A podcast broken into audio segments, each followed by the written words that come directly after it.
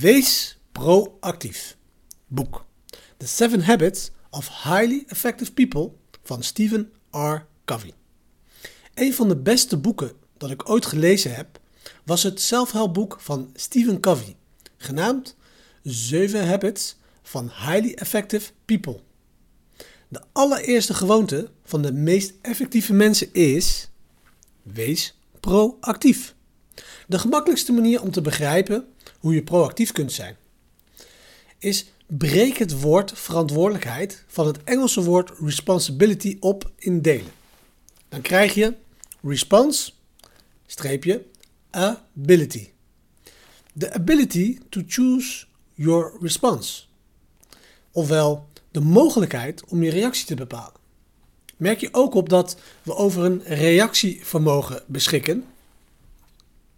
Als er iets gebeurt, dan reageer je niet alleen onbewust op, maar als een zeer effectief en proactief persoon, bepaal je ook jouw optimale reactie. Alle grote wijsheidsleraren en tradities wijzen naar deze wijsheid.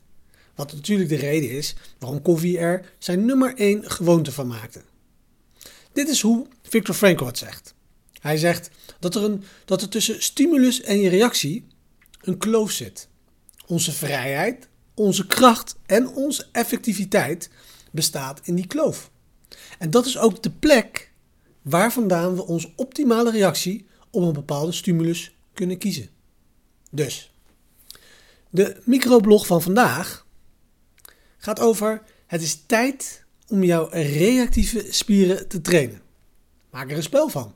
Als je merkt dat je vandaag wordt uitgedaagd door een niet zo geweldige stimulans, of dat nou een collega, een echtgenoot, een kind of een chauffeur op de weg is, kijk dan of je in die kloof kunt stappen om een betere reactie te kiezen. Wees proactief.